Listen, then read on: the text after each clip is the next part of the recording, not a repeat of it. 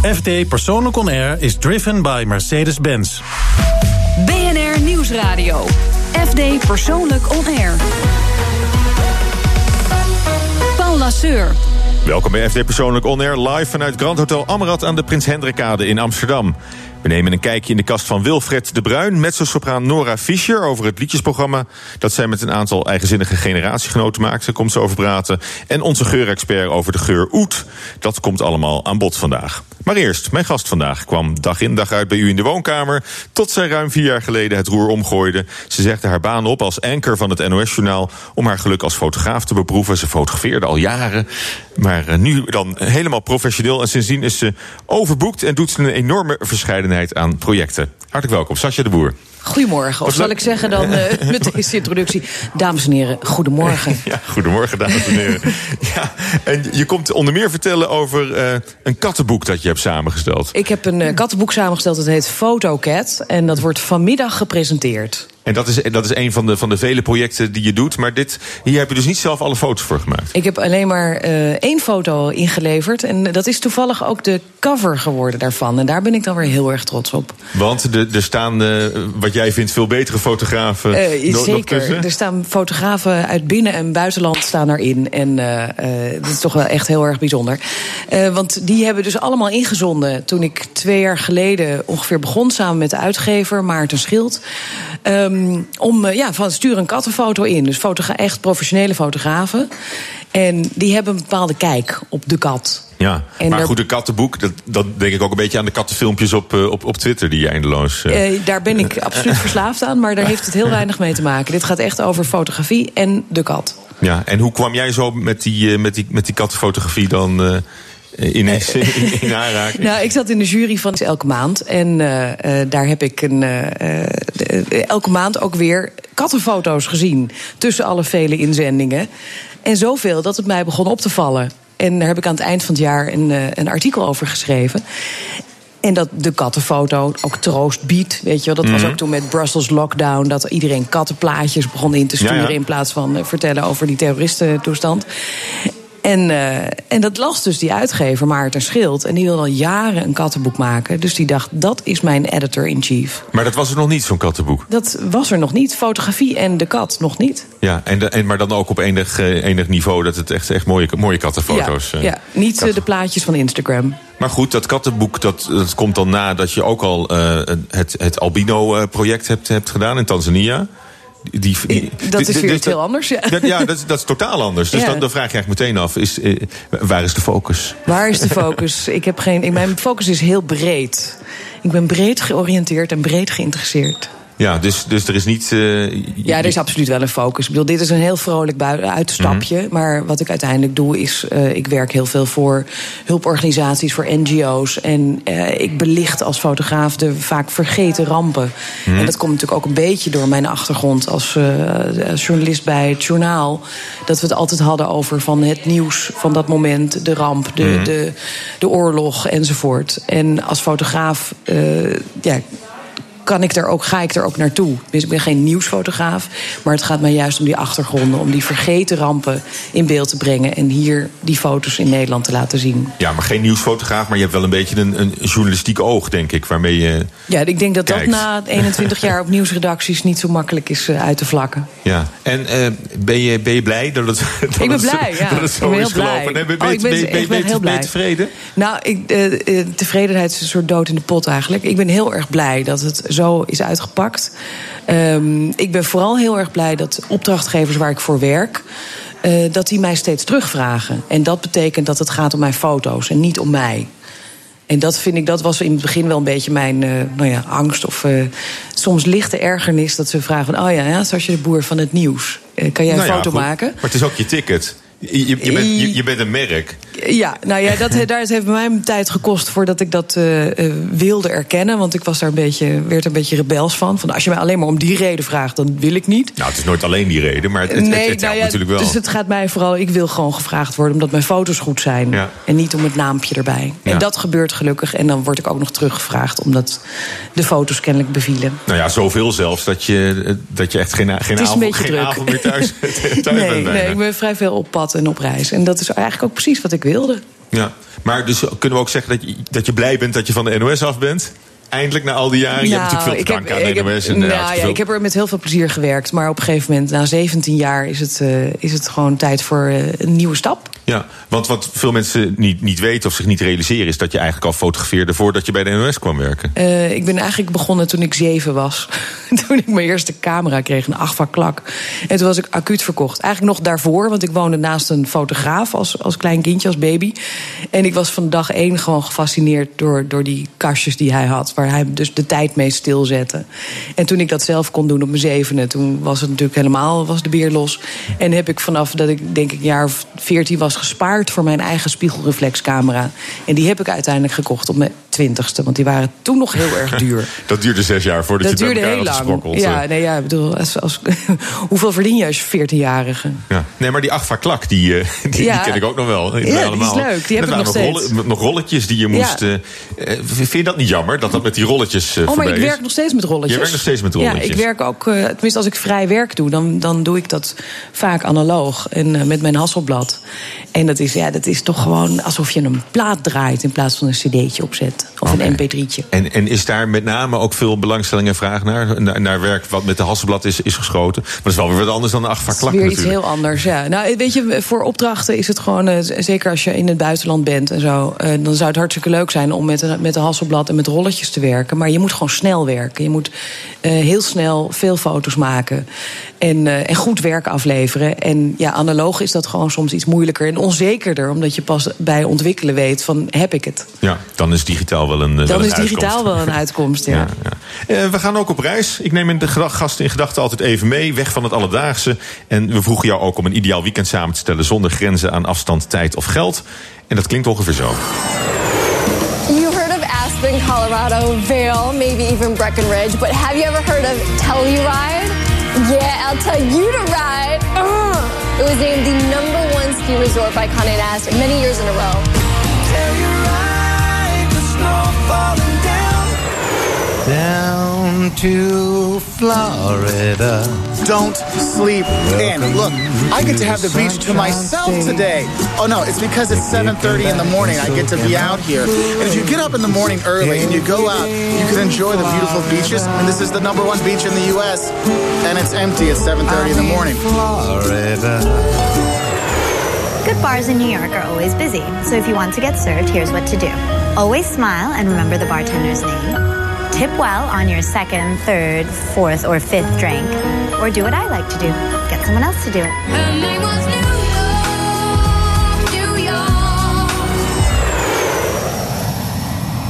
U hoorde Droomweekend van Sascha de Boer. Ik realiseer me opeens dat ik alleen maar in de VS ben. Je bent alleen maar in Amerika geweest. Ja, is dat, dat is toeval dus? Nou, dat is eigenlijk toeval. Nee, ik zat gewoon een beetje te denken van... Oh, wat, wat zou ik willen doen? Nou, lekker skiën, daar hou ik heel erg van. Ik ben alleen nog goed, eh, skiën de, in Colorado, dat in de is- zomer in eh Telluride geweest... en nog nooit geskiet. Dus dat is daarom een droomweekend. En Ben je in een cowboydorp, hè? het is een cowboydorp. Dat hoor je ook inderdaad aan dat liedje. Dat is echt gewoon... Ja, het is ook echt een cowboydorp. Dus met de saloon, met die deuren en zo. Maar dat, moet, dat is er nog nooit van gekomen. Nou, nee, want het is, het is toch wel een enorm eind vliegen om alleen maar Hmm. een weekje te gaan skiën.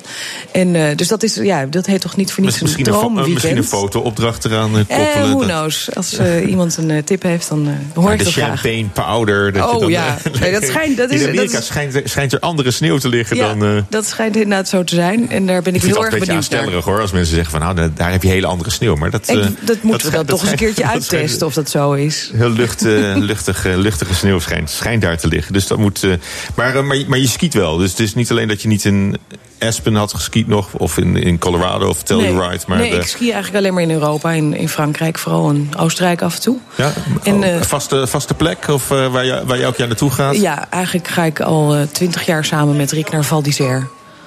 Ja, ik, En ik, dat ligt in Frankrijk. Ik begreep zelfs dat je daar, daar nog getrouwd bent En ook. zelf daar getrouwd, ja, zeker. Nee, maar, dat, maar dan, is, dan is skiën en Val d'Isère dus wel een, wel een belangrijke het is echt, plek ja, dat is gewoon ook een sentimental journey. En het is daar altijd heel gezellig. En eh, je kan er heel lekker eten. Daar houden we ook allebei heel erg van. Dus, eh, Oké, nou- en heerlijk skiën, hele goede afdalingen en zo. Dus, Nou, zijn we toch even uit Amerika weg. Eh, Ja, toch, we, ja. gaan, we gaan even terug naar, naar Florida. Is daar nog een speciale plek waar je naartoe zou willen? Nou, ehm, je hebt natuurlijk daar die Florida Keys, die zijn erg leuk. Maar er is één plekje, en daar ben ik ooit door een vriendin mee naartoe genomen... die lang in Miami heeft gewoond. En uh, dat heet Little Palm Island. En Little Palm Island, dat is een, uh, een mysterieuze plek... waar je bij een bepaald uh, een mijlpaaltje, uh, een kilometerpaaltje... Mm. moet je dan even achter een bosje en zo. En daar is dan een bel of zo. En dan komt daar een, een salonboot aan als je op die bel hebt gedrukt. Je moet wel eerst reserveren. Het is een soort complot. Het je is moet, een je bijna moet, een complot. Je moet het echt weten. Ja, ja, ik zou het ook misschien zelf niet meer helemaal zo makkelijk terug weten te vinden.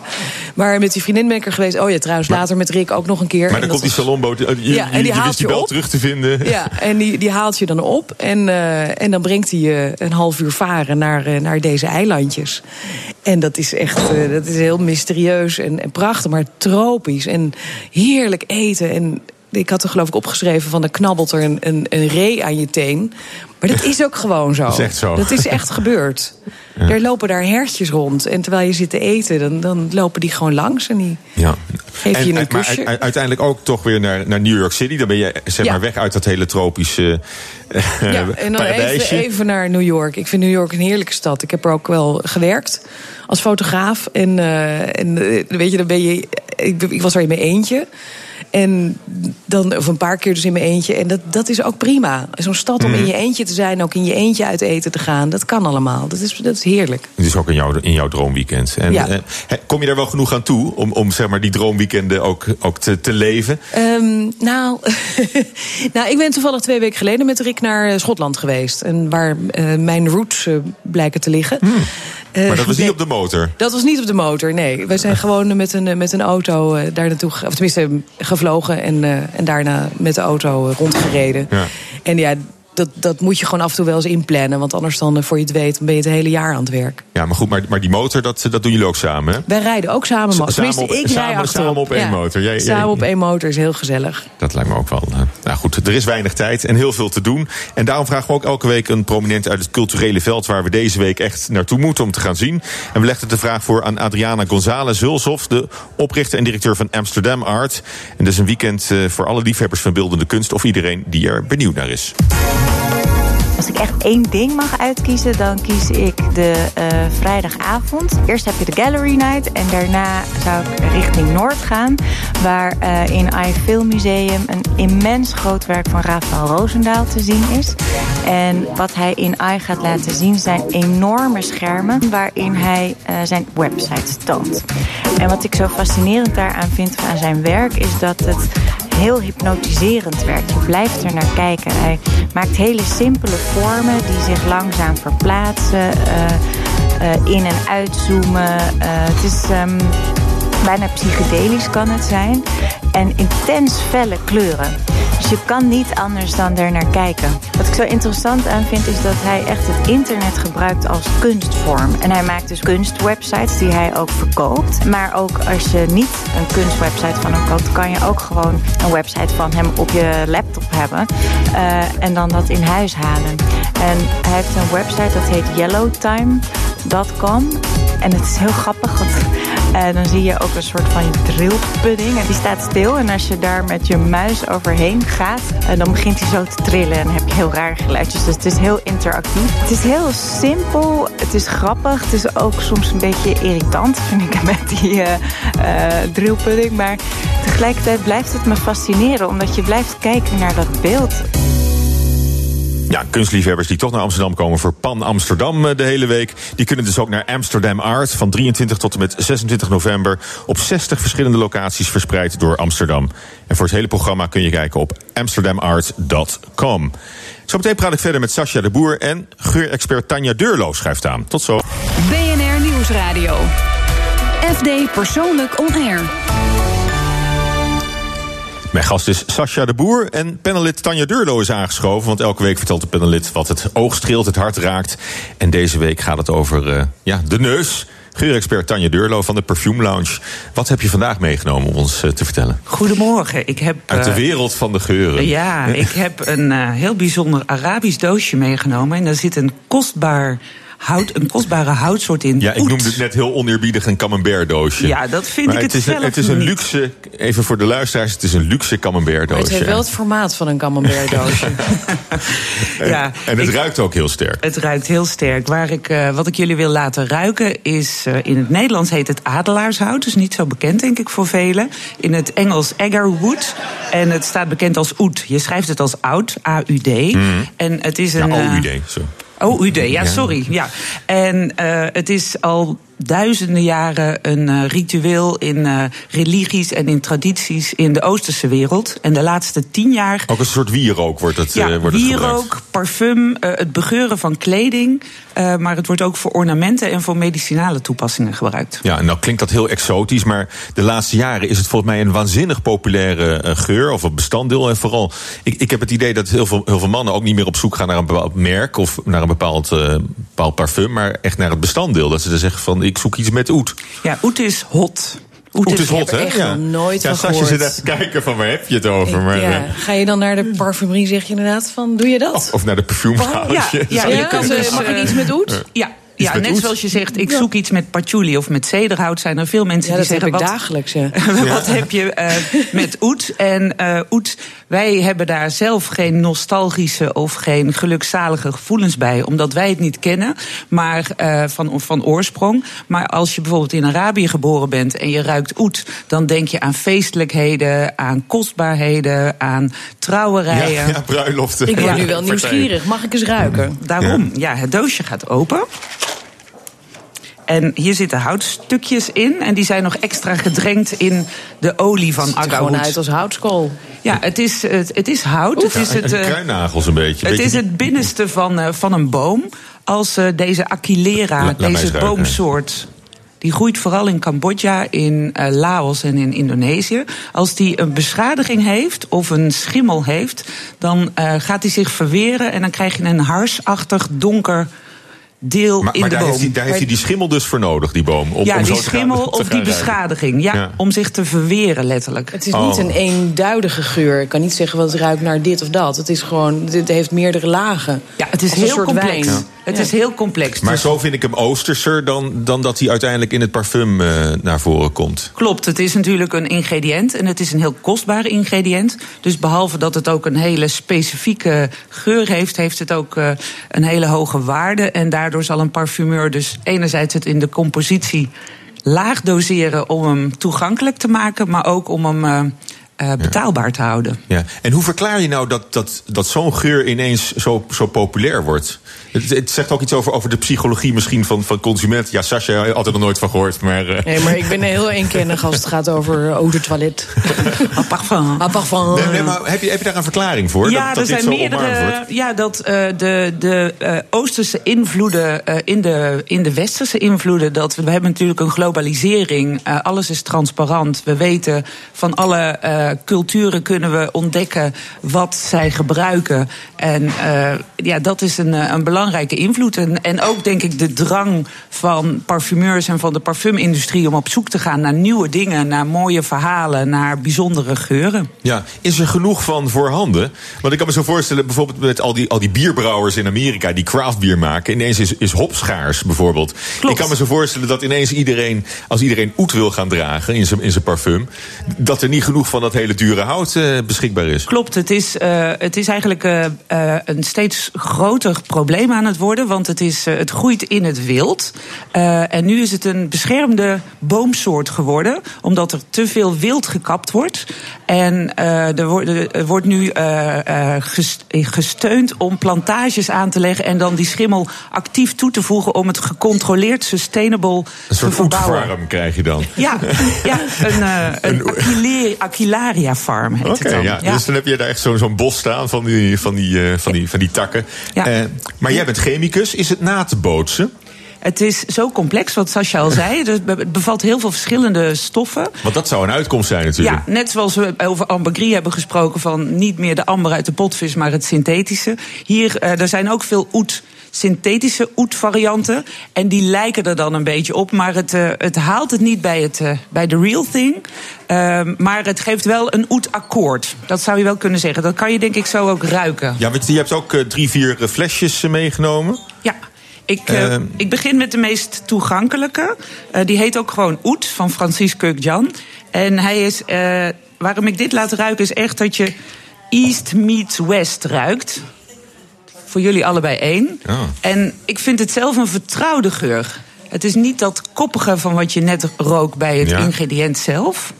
Ik vind het meer een soort eh, eet iets of zo, een cake. Ja, ik vind hem ook vrij zoet. Oké. Ja. op mij komt hij niet zoet over. Ik draag Maar misschien hem eh, is om- ook. omdat, we, omdat de, de alcohol er nog een beetje doorheen... Ja, eh, dat zou kunnen. Maar het is de- een, het is een toegankelijke, Ja? eh, vriendelijke oet, maar wel met een oemf Ik, als je dit in de keuken ruikt, dan denk ik van... nou, iemand is lekker zoete koekjes aan het bakken of zo. En eh, ik ga hem nu eh, voor eh gevorderde, Subliem, of Oet Subliem heet hij ook, van Patricia Nicolai. En zij probeert die complexe oet te beteugelen in een wat rauwere, heftigere, Oriëntaalse. Je, we, we staan hier, Ja, we te, wapperen. wapperen met, Ja, met hij is, hij is stevig. Beetje leerachtig en eh hout-Oriëntaals. Vind ik Ja, dat, dat, dat, is, dat is wat Eh, mannen zoeken, vind. Nee. Leren van en Sascha- sigaren. Dat is een beetje... Ja, sigarenkistjes. Ah. Dat, eh, Als dat jij niet besteed. nou, Nou, we, ik heb- we- ik we hoop kunnen, er- we kunnen er nog eentje proberen. Ja, ja, precies. Ik heb er één uit Japan. Die is mooi subtiel, want de Japanse tradities... Maar Japanners, Japanners zijn natuurlijk ook heel erg ingetogen. En, Precies, eh, dus deze heeft de subtiliteit. Hier noemen ze, eh oet noemen ze kiara. En hebben ze ook allerlei andere rituelen bij... om eh, de juiste houtsoort te raden. En deze is veel vriendelijker, subtiel, elegant. Gras, Ja. vers gemaaid gras. Oké, nou dat is in Ja. ieder geval al een positieve Ja, associatie. fris. Schoongewassen, lekker. maar, maar, maar, maar Sascha, je je bent eigenlijk helemaal niet van, de, van het Ik ben niet van de getut met zalfjes en geurtjes. En, eh, nee, toch? Totaal niet. Nee. maar ik vind het wel, dit ruikt wel, als je dit gewoon voorbij komt eh, met iemand, dan denk ik, nou, het is lekker fris. Die eh, is net onder de douche vandaan. Ja, Satori eh, mag Ja. er bij jou. Die is Ja, wat frisser dan van, van deze drie klopt. die je net... eh, Subtieler. Ja. Nou, ik, eh, ik, ik vind het toch, toch fascinerend eh, weer. Om, om, te, om te weten ook van die, van die bijzondere boom en de beschadigingen. Precies, de en dat het dus geen getut is, maar dat het ook Het nog best wel tut, een mooi het is- verhaal Het is. het is puur natuur en het is En heel, genot. heel Hoe zou dat en- ruiken in zo'n bos, vraag ik me dan af. Ja, Kan, je- kan je daar wezen? Ik heb er veel. Nou, ik zou daar ook wel mijn droomweekend willen. Oké, nou dat, Houden. dat wordt dan het volgende droomweekend. Vertel je hoe het daar eh, rookt. Voor onze geurexpert, Tanja Durlo, dankjewel. Graag gedaan. Tom uw kast en ik vertel wie u bent. Onder dat adagium ging Jigo Krant op bezoek bij auteur, programmamaker en bibliothecaris te Parijs, Wilfred de Bruin. Ja, ik zag je al lopen in de straat. Ik kom eraan. Oké. Hi, ik kom heel even buiten. Serieus? Ja, want ik zie daar nog net het topje van de Eiffeltoren. Moet je naar boven komen. En de daar ondergaande zon. uitzicht. Het is echt fantastisch. Als je mij boven de vierde verdieping naar buiten hangt... dan zie je inderdaad de ondergaande zon. Nu net onder die grijze wolken. Nou, snel. die kan zo voorbij zijn. Wilfred de Bruin in zijn eigen habitat. Ja, dit is mijn habitat inmiddels wel. Ik woon hier al tien jaar. Het is niet het mooiste gebouw van Parijs, maar het is mijn huis. Voilà, kom verder. Kijk, hang maar naar rechts. Het is goed, Wauw. Dat is mooi, hè? Ja, je ziet de Eiffeltoren vanaf de eerste verdieping. Ja. En dan de zon ondergaan. Dramatisch, hè? En het is nog elke dag feest. Maar ik kwam eigenlijk Ja. om een kijkje in je kast te nemen.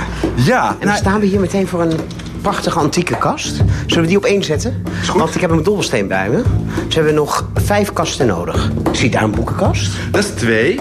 En daar zie ik een leuk kastje. Er zit echt niets van belang in. In elke kast gaan mooie verhalen schuil. Op drie. Dan heb je een ijskast. Ja, een klein rottig ijskastje daar.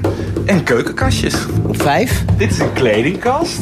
Zetten we die op zes. Oké. Oké, dus ik gooi nu, hè. Eén. Daar staan we Daar staan we naast. Ja. Dat was deze antieke kast. Ja, het is een heel oude kast. En op de plank liggen drie paspoorten. Dat klopt. Eén Wie van... heeft hier een dubbel paspoort? Ik niet. Maar mijn vriend heeft er twee. Hij is namelijk geboren in Brazilië. Heeft daar drie maanden gewoond. En is toen geadopteerd door een heel lief Frans stel. Maar hij is officieel Braziliaan. En kan je daar dan wat mee? Nou, je moet vooral in dienst. En dat wil hij natuurlijk helemaal niet. Eh, dus dat is lastig. jong? een- Hij is eh 27, maar je moet in dienst. En vind je het jammer dat jij geen eh, Frans paspoort hebt? Nou, ik zou, ja, vind het wel jammer. Ik zou wel willen stemmen. Maar ik, als ik een Nederlands, Frans paspoort zou aanvragen... moet ik mijn Nederlands paspoort opgeven. Ja, als je moet kiezen tussen Nederland en Frankrijk, is het toch Nederland? Ik zou nooit mijn Nederlandse nationaliteit kwijt willen raken. Ik wil daar altijd naar terug kunnen. Maar het mag voor mij nog heel lang duren. Het is een prachtige... Het is geen rommelkast, want het ziet er netjes uit. Maar, het een allemaal verschillende dingen. wat, hè. Kijk, prenten uit Leiden zitten er in 19e-eeuwse prentjes. Er staat wat drank weggestopt. En hier in de hoek Ja. zie ik keppeltjes liggen. Dit zijn mijn, eh, mijn kippa's voor huwelijken en eh, daaronder de zwarte voor begrafenissen. Heb je veel Joodse vrienden? Ja, ik heb veel Joodse vrienden. Het is, eh, dit is een heel grote Joodse gemeenschap hier in Parijs. Helemaal in Oost-Parijs. Ja. En op begrafenissen en feesten kan je niet dezelfde keppel dragen. In de meeste tradities doet de kleur helemaal niet toe. Het gaat erom dat je je hoofd bedekt, mag ook met een hoed of een petje. Maar die rode die paste heel goed bij een huwelijksdas. En die zwarte vond ik meer gepast bij een begrafenis. Maar ik weet niet of kleuren ertoe doen in het jodendom eigenlijk. Dat is een goede vraag. En dan ook wat boeken en dan zie ik grote Hollandse meesters. Ja. Moelisch, Reven. Dat zijn mijn schrijvers waar ik altijd naar terugkeer. Ik herlees eigenlijk. Ik ben geen dapper mens. En ik herlees het liefst boeken. Waarom is dat niet dapper? Een nieuwe boeken lezen is een risico lopen. Met een nieuw verhaal geconfronteerd worden. Ik lees eigenlijk denk ik meer om gerustgesteld te worden. Niet om verrast te worden. Ik hou helemaal niet van verrassingen. Ga je daarom ook de gemakkelijke weg in het leven? Ja, ik ga altijd de gemakkelijke weg in het leven, maar het leven weet mij altijd op een of andere manier toch in heel wonderlijke situaties te plaatsen. En daar ben ik ook het lot of onze lieve Heer heel erg dankbaar voor. Eh, want anders zou het wel heel erg saai worden. Maar ik zoek zelf zeker niet het risico op.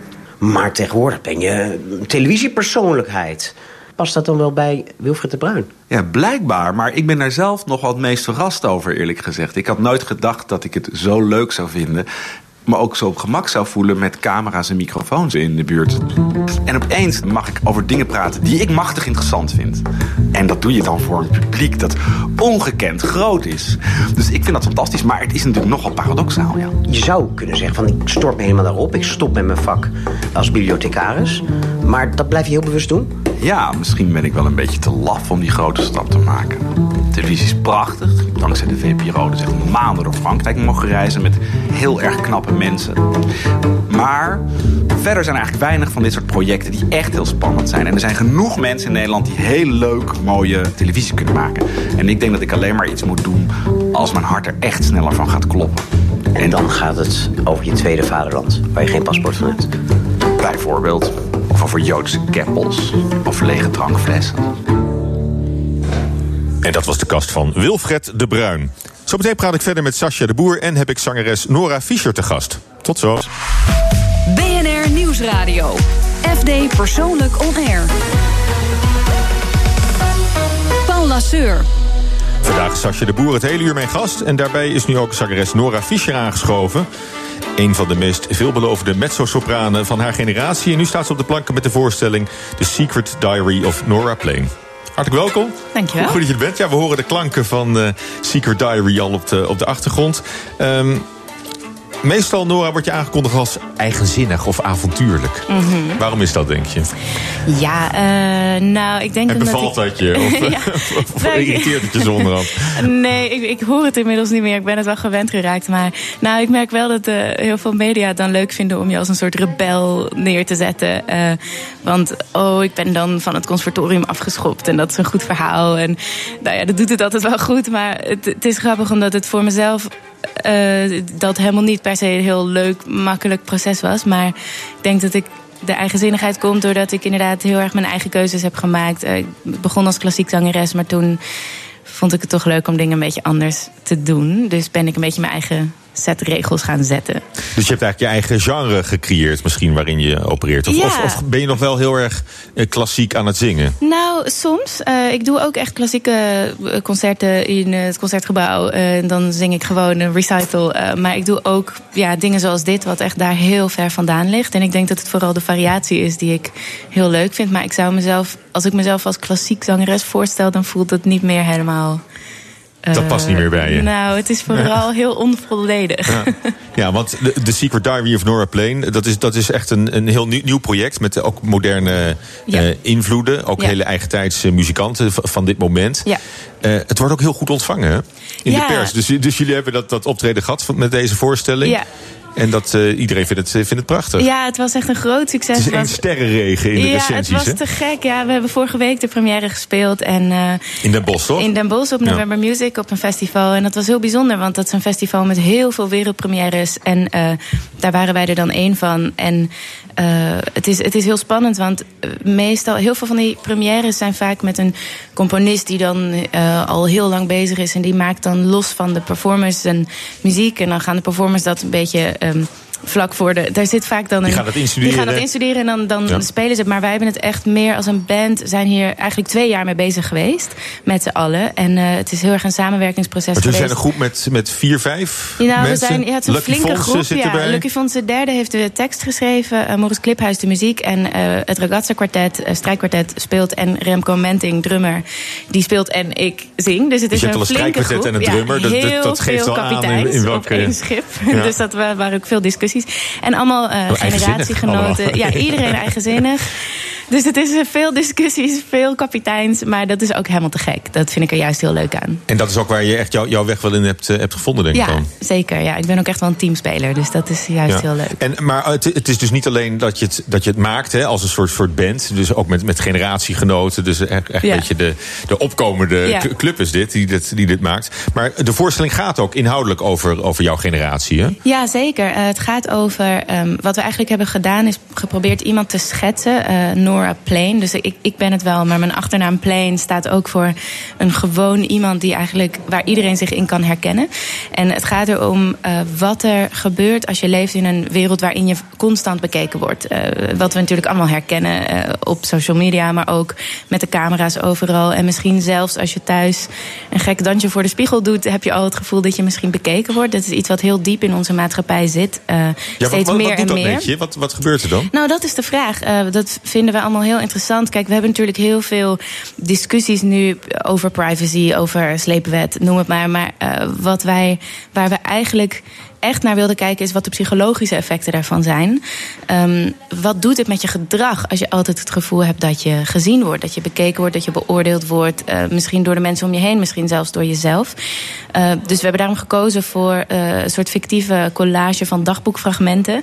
Ehm, waarbij iemand schrijft, omdat als je in je dagboek schrijft, heb je misschien zelfs het gevoel al dat er iemand meeleest.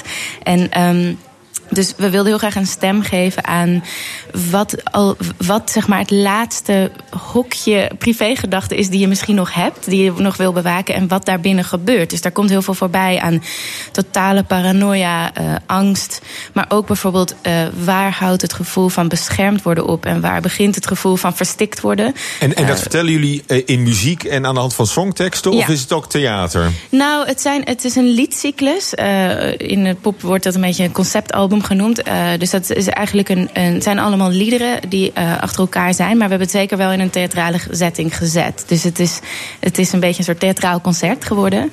eh, waarin, waarin je heel erg dat gevoel van die constante spotlight voelt. Ja. En hoe, hoe past dit nou in, jouw in jouw muzikale loopbaan, zeg maar, dit, dit project? Is dit Eh. voorlopig jouw, jouw magnus opus? Ben je, Nou, eh, ben je eh, ergens beland waar je, waar, je echt, waar je echt wil zijn? Ja, dat wel een beetje. Ja, ik, heb wel, ik, heb wel, ik voel wel dat dit heel erg een manier is waarop ik wil werken.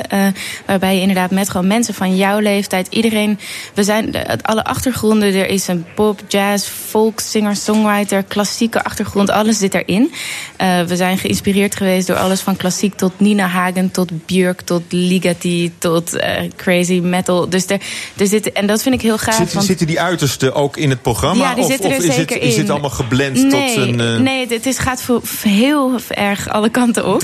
en dat vind ik gaaf, want dat is ook heel erg deze generatie. Wij luisteren heel veel verschillende muziek. Want je hebt met één klik op Spotify heb je, kun je alles horen. Mm. En dat hoort heel erg bij deze generatie. Dat je alles meeneemt en dat als een soort trechter in jezelf stopt. En daar komt iets uit wat van jou is. En dat is wat wij nu met deze generatiegenoten denk ik heel Ja. erg maken. Dus in die zin voel ik me daar heel erg thuis. ja. Ja, En je vader is een, eh, is een beroemde Hongaarse dirigent. ja klopt. Wat, wat vindt hij daarvan? Eh, hij heeft het nog niet gehoord.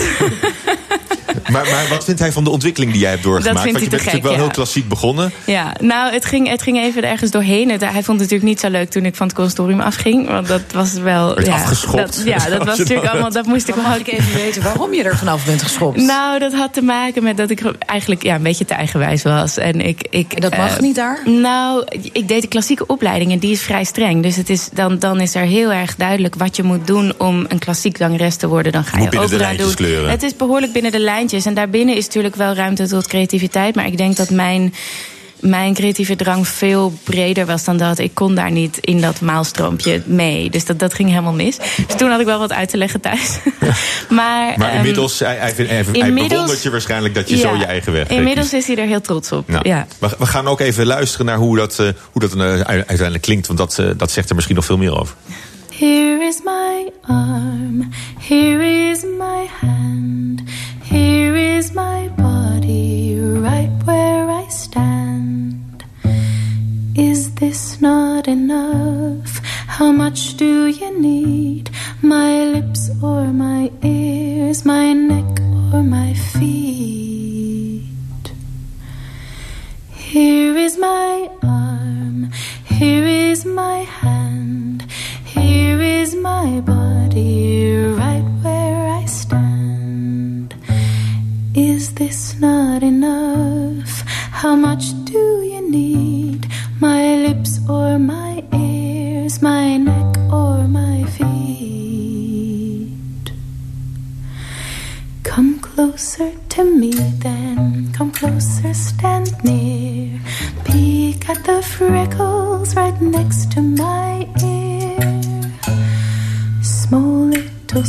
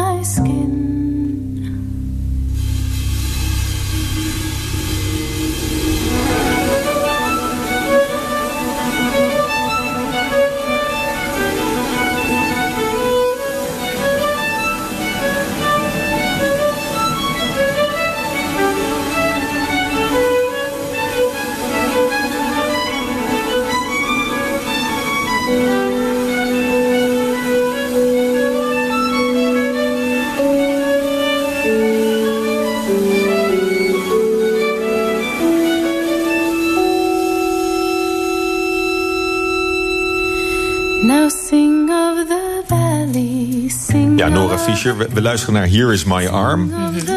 eh, uit eh, The Diary of, eh, of Nora Plain. Eh, waar- kunnen we deze voorstelling nog gaan zien?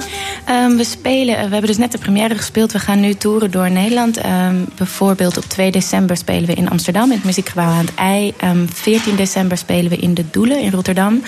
En eh, dan is er ook nog een verdere playlist. Eh, we spelen ook in het voorjaar in mei nog een paar keer. Eh, we gaan ook naar New York. Wauw. Dus eh, ja, we gaan, eh, we gaan veel spelen. Dus ehm, op de website van het Ragazza Quartet eh, en mijn, overal zijn heel veel websites met de playlist. En, en, en, en dit nummer, Here is My Arm, geeft een goede indruk van, van wat we kunnen, kunnen verwachten? Eh, nou, dit is een Dit van de meest. Jou- intieme Jouw stem nummers. centraal is heel, heel, ja, inderdaad heel dichtbij. Ja, ja, nee, en dit dan is... wel met, die, ehm, met die violen dan. En ja, eh, nee, dit, dit is echt een van de kleinste, allerkleinste liedjes. Er zijn ook hele extreme, keiharde soort post- post-rock metal nummers. Dus het gaat echt alle kanten op. Er is overigens ook, eh, de cd is net uitgekomen. Die is uitgegeven bij Excelsior Records. Dus die eh, kan ook gehoord worden op Spotify, besteld worden. Dus dan kun je ook eh, thuis alles horen. En we kunnen de voorstelling overal eh, gaan zien. En de dus. voorstelling kan gezien worden, ja. Dankjewel. Eh, De, de Secret Diary of Nora Plain. Nora Fischer, dank je. En zo meteen ben ik terug met fotografe en voormalig gezicht van de NOS, Sascha de Boer. Tot zo. BNR Nieuwsradio. FD Persoonlijk On Air. En vandaag is Sascha de Boer mijn gast. We naderen het einde van de uitzending alweer. En, Zo, met Nora. Ja, ja eh, Sascha, nou heb je...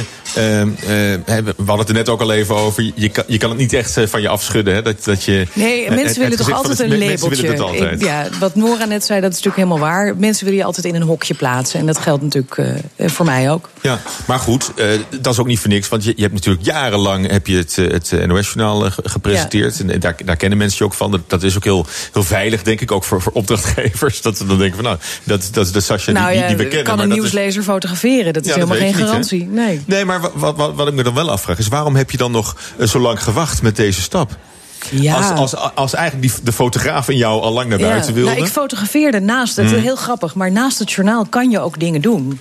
En dat deed ik dus ook. Dus ik fotografeerde al, al eigenlijk altijd al naast het journaal. want want je, jij was, eh, was het week op, week af? Het was week op, week af. Dus de- Ja. de, ene week was ik nieuwslezer, en de andere week was ik fotograaf. Dus eh, voor mij was het meer zo van: ja, ik stop met dat journaaldeel, maar eh, het was niet, ik ga opeens fotograferen. Ja, maar het is toch wel zo dat je je in het journaaldeel al een klein beetje, beetje ge- gevangen voelde, misschien wel. Eh, nee. Dat je altijd. eh, of, Nou of, ja, of, als je bedoelt- ja, ik heb, ik, ik, ik, heb wil. niet de indruk dat, je, eh, dat het je heel veel moeite kostte om uiteindelijk bij het journaal weg te lopen. Nee. Nee, toch? Nee, maar weet je, dat, dat is. Ja, ik, bedoel, ik heb natuurlijk jarenlang, al vanaf dat ik eigenlijk begon met nieuwslezen, gedacht: ja, ik doe dit even erbij. Hmm. Maar dat het voor de buitenwereld mijn hoofdmoot was. Terwijl voor mij was het altijd de hoofdmoot fotograferen. Ja. En, eh, en nieuwslezen was eh, ja, ook, ook iets wat heel erg leuk was en heel interessant was. Nou ja, en het dat is ook een fascinerende wereld natuurlijk. gedaan je, staat ook midden in het, eh, in het wereldnieuws. Ja. Ja, dat maakt het ook gewoon dat het opeens, weet je, dat je realiseert van... hé, hey, wacht even, ik doe dit bij elkaar, dus 20 jaar nieuws lezen, of 19 jaar was het. En dat je na 19 jaar opeens denkt van, maar wacht even hoor. Ik, ik wou toch fulltime fotograaf worden? En ja, het kwam ook omdat het werk is... eh, Ja, jij hebt zelf ook bij het nieuws gewerkt natuurlijk en bij het journaal. Het is gewoon heel erg opslokkend. Eh, je bent elke dag met het nieuws bezig. Je wordt ermee wakker. Je gaat ermee naar bed. Ja. eh, je volgt alles. Ook als je niet staat ingeroosterd. Ook als je niet staat ingeroosterd, mensen, moet je nog steeds het nieuws volgen natuurlijk. Want je moet weten waar je het over hebt. En dat vond ik eerlijk gezegd wel een bevrijding. Dat ik Mm. eh, op een gegeven moment, toen ik stopte bij het journaal... dat ik wakker werd en dacht van... nou, ik lees wel gewoon teletext en ik luister naar de radio. Maar ik hoef niet meer alles te onthouden. Ik hoef niet te begrijpen hoe het in elkaar zit. Ik ben nu nieuwsconsument geworden. Mm. Ja, maar goed, wel een kritische, denk ik dan. Iemand die ook weet hoe het eh, tot stand komt. Soms kan het me ook echt helemaal niks schelen. Ja. Oh, dat is ook wel lekker. Ja. Ja. Maar als je dan terugkijkt, hè, want eh, hoe lang ben je nu? Vijf, vijf jaar geleden? Vijf jaar, bijna vier jaar, ja. Vier, vijf jaar geleden. En als je terugkijkt op die, op die vier jaar, denk je dan niet af en toe, als je ook kijkt naar hoe, hoe succesvol je ook bent als, als fotograaf, dat, dit had ik gewoon jaren eerder moeten doen? Nou, weet je, voor alles is een tijd. Eh, als ik het jaren eerder had moeten doen, dan, dan had ik dat ook jaren eerder gedaan. Maar ik durfde die, die stap pas te zetten toen ik zeker wist dat ik als fotograaf ook mijn eigen broek kon ophouden. Ja. En dat vind ik heel erg belangrijk. Ja, en, maar er is wel wat veranderd misschien in, in de mate waarin je als fotograaf serieus genomen wordt, nu je daar fulltime voor gekozen hebt. Eh, dat moet je even uitleggen. Nou ja, ik, ik kan me voorstellen dat als je erbij fotografeert en ook nog nieuwslezer bent, misschien helpt het wel om je er volledig op toe te leggen op het fotograferen. Ook, ook in hoe je, hoe je werk wordt ontvangen. Ehm, nou ja, mijn werk wordt eh, gelukkig goed ontvangen. Dus eh, ik heb daar geen, geen last van. Ja? Tel je mee als, als fotograaf, ook tussen andere fotografen? Ik bedoel, we hadden ook Jimmy, Jimmy Nelson, hebben we hier ook te gast Mhm. gehad eh, een tijdje geleden. Dat is, dat is natuurlijk ook een soort, soort rockster in de, in de fotografie. Maar tel je helemaal mee voor je gevoel? Ik heb tot nu toe niet gemerkt dat ik niet meetel. Ik bedoel, ik word door, door zijn uitgever van gerenommeerde fotoboeken. Ik bedoel, het is een uitgever Mhm. die in Londen en New York. Dit boek komt ook in Londen en New York uit. eh, die vraagt mij als editor-in-chief. En, en als ik niet zou meetellen, denk ik dat hij mij niet zou vragen. Ja, nee, goed, maar wij vragen je ook voor, voor dit programma omdat we, Ja. omdat we dat, Nou, omdat dus we dat tel leuk ik mee. vinden. Ik zit bij BNR, dus ik tel mee. Dus dat is, nee, is absoluut waar. Maar hang je ook in, in, in galeries? Heb je exposities? Eh, Eh, ja, ik heb hoe, net, hoe is de verkoop van, van, van loswerk? Nou, weet je, ik, ben, ik zit niet echt in de kunstfotografie. hè. Ik ben geen kunstfotograaf. Eh, ik werk heel veel voor, eh, voor NGO's, ehm, maar ook voor commerciële. Eh, ik werk voor uitgevers, waar ik schrijversportretten Mhm. maak. En eh, dus ik ben niet echt eentje die in een, in een galerie hangt. Je hebt eh, v- v- eh, Oh, dit was kookboeken? een hele vrolijke uitstap. Ik heb drie kookboeken gemaakt met eh drie sterrenchef Jacob-Jan Boerma. Maar dat was ook een heel vrolijk uitstapje. En Ja. ook af en toe wel eens brood nodig als je Er zijn heel dus, veel eh, hobbyisten hè, die, die, die het heel leuk vinden om, eh, om eten te fotograferen.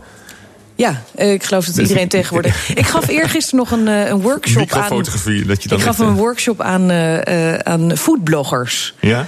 En dat was heel erg leuk, omdat ja, de, de, tips en tricks die, die ik heb geleerd met die drie kookboeken maken, ehm, die heb ik weer doorgegeven aan deze hele leuke meisjes van Oh, doe, doe 26. eens eentje. Wat, wat is nou een belangrijke tip bij, bij, eh, als je een aubergine moet fotograferen? Of, eh, Nou ja, een van de belangrijkste tips is gewoon puur technisch. eh, is dat Licht. is, is licht. Ja, hoe ga je met licht om en hoe kan je je camera moet je af en toe een beetje voor de gek houden?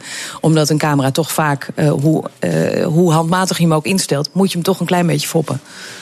En dat, eh, ah, oké. Nou ja, dus dat. eh, Dat maar dan is moet je naar de workshop van de om, dag. om precies het kleine kneepje te, te leren. Wa- Wat is jouw grootste kracht als, als fotograaf? Wat, wat onderscheidt je van andere fotografen? Eh, dat vind ik altijd best moeilijk om te zeggen. Maar wat ik zelf ehm, merk, en ook aan de mensen die ik fotografeer, is dat ze mij eh, eh, het prettig vinden om door mij gefotografeerd te worden, omdat ik me in mijn modellen verplaats. Dus dat is meer op het communicatieve vlak. Het is heel erg. Ja, dat is misschien ook weer mijn achtergrond. Want ik heb ooit communicatiewetenschappen gestudeerd. eh, en psychologie. Ehm, ik vind dat heel erg belangrijk. Ik vind het zelf niet fijn om op de foto te moeten. Dus ik weet precies hoe het is als ik iemand fotografeer. dat hij zich ook niet op zijn gemak kan voelen. Omdat het een onnatuurlijke situatie is. En mijn doel is dus niet eh, dat, dat ik een, een, een foto maak die alleen maar om mij draait. Om de fotograaf, juist totaal niet. Het draait bij mij ook juist heel erg om het model, degene die ik fotografeer. En dat die zich Dus daar, prettig daar voelt. bouw je ook echt een, een relatie mee op Ja. eh, die, die tot een betere een- foto leidt. Dat is, het is een samenwerking van eh, degene die je portretteert en de fotograaf. En dat moet leiden tot een, eh, tot een mooi portret. En als een van de twee niet meewerkt, ja, dan krijg je geen goed beeld. En je doet ook hele, hele diverse dingen. We hebben een aantal dingen al de, de revue laten passeren. Een van de dingen is dat, dat project over de, de albino-jongeren... Hè, die je in Tanzania hebt ja, het boek gevolgd. Leven in de schaduw. En dat is ook net een expositie geweest in Bergen. En die hangt er trouwens nog steeds in het bos. Ja? Eh, ik geloof dat dit het laatste weekend wordt. Of misschien volgend weekend, maar dat, dat weten we nog niet. Als het aan mij ligt, blijft het nog heel lang in het bos staan. Maar het zijn grote doeken van 2 bij 3 meter waarop die foto's te zien zijn. Ja, en het is in, in dat boek eh, samengevat, wat hier ook eh, tussen ons in ligt op, op tafel, Leven in de Schaduw. Wat maakt dit voor jou tot zo'n bijzonder project? Ook het Eh, verhaal van, van die mensen, denk ja, ik. ik, heb, ik ben eh, vorig jaar in Tanzania geweest. ehm, met, eh, in, op uitnodiging van het Lilianenfonds. eh, want die wilde hier aandacht aan besteden aan kinderen met, met albinisme. En ben daar naartoe gegaan. En echt gewoon heel, heel open-minded. Van wat, wat tref ik aan. Maar ik moest tegelijkertijd wel bij de Tanzaniaanse overheid een verzoek indienen. wat ik dan ging fotograferen. En ja, dat is best moeilijk. Want als je open-minded wil fotograferen, dan wil je gewoon eh, je ogen open houden van wat, wat, eh, Ja. wat vind ik, wat kom ik tegen. Dus ja, ik wilde eh, in ieder geval twee kinderen volgen. Maar uiteindelijk bleek dat er ook een weeshuis was waar een aantal albino-kinderen zaten. Die dus helemaal geen wees zijn, maar die gewoon een vader. Verstoten zijn moeder, eigenlijk, ja. Verstoten of juist daar gebracht als bescherming. Oké, ja. Maar ik mocht er niet heen, want dat, ik had geen toestemming aangevraagd, eh, schriftelijk in eh 16 fout. dus ik ben er stiekem naartoe gegaan. En eh, met de camera, eh, de, de camera-tas thuis gelaten. één kleine camera mee in een rugzak van, eh, van iemand anders met wie ik was. En, eh, eh, en zo zijn wij daar stiekem naartoe gegaan. Ja. Onder het mom van, we gaan souvenirs kopen. en, en, wat je net vertelde, de relatie die je opbouwt met het, eh, met het eh, onderwerp wat je Ja. fotografeert, dat, dat, dat geldt dan ook. Dat dus, dus je gaat ook echt, heel erg. echt op een ik heb- reis met die Ja, eh, ik heb met, met die, met die kinderen, eh, tenminste met Sabato, een jongetje van eh, 10, en Lightness, een meisje van 13. Die heb ik gevolgd in hun eh, situatie thuis, op school. En dan wil ik ook echt een band met ze eh, aangaan. Het En heeft, dat- een, het heeft een prachtig, prachtig boek, een prachtig project eh, opgeleverd. We, we, gaan, we gaan door naar het volgende onderwerp. We gaan nog naar bij een huis kijken dat te koop staat. Dat eh, doen we altijd. Tussen Maas en Waal dit keer in het dorp Beneden Leeuwen. In het zuidwesten van Gelderland heeft de familie van Zwaai... een monumentaal pand met bijpassende praktijkruimte te koop. En verslaggever Martijn de Rijk liet zich rondleiden door Laura van Zwaai.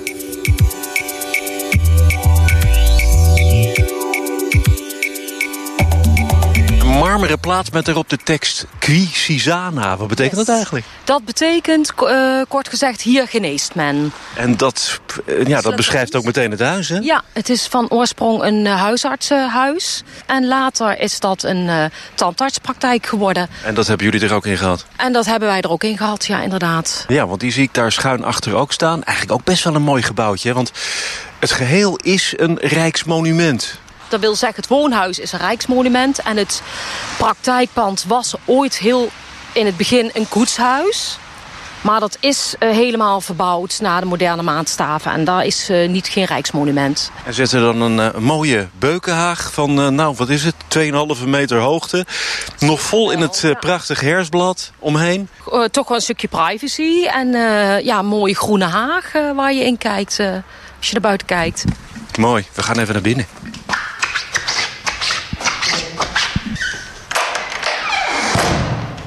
Nou, en binnen kloppen echt alle details. Hè. Dit is, eh, Jugendstil of zo? Yes, Jugendstil, ja. Ramen zijn gebrandschilderd. Het huis is ook heel erg ruim, hè? Want eh, hoeveel meters hebben jullie wel niet? Uh, het, uh, het, woonpand is ongeveer 285 uh, meter. Dan heb je boven vijf slaapkamers en een grote badkamer. En beneden heb je drie vertrekken en een grote keuken. En een aparte vestibule, zoals dat heet. Alles staat echt strak in de lak. Ook van buiten trouwens. Het, het is echt geweldig mooi onderhouden.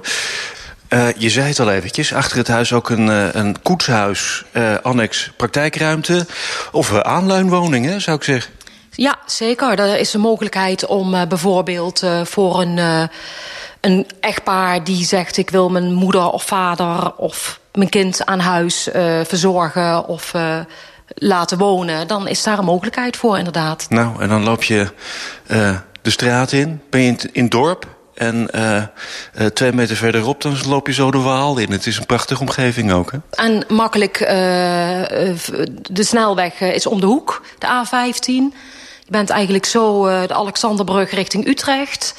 En ja, de omgeving is prachtig. De Waal inderdaad, de Waal, Bandijk, de uiterwaarden. Ja, je kan hier je hart ophalen als natuurgenieter. En hoeveel kost dat als ik hiervan wil genieten? Uh, u bedoelt het huis, denk ik? Ja. het wandelen is gratis, maar het huis en de praktijk kosten 840.000 euro.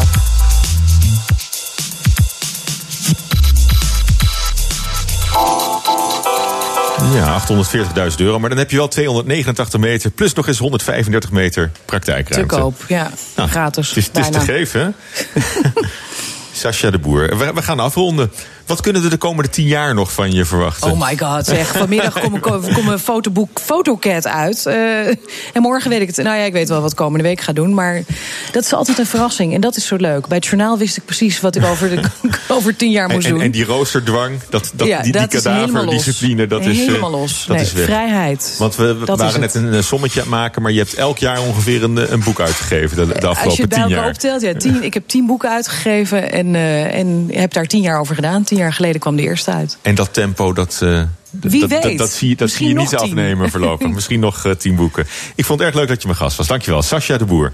En dit was FD Persoonlijk On Air vanuit Grand Hotel Amrad in Amsterdam. Wilt u items terugluisteren, kan het via de podcast. U vindt ons op bnr.nl en de bekende kanalen. Tot volgende week. Fijn weekend. FD Persoonlijk On Air is driven by Mercedes-Benz.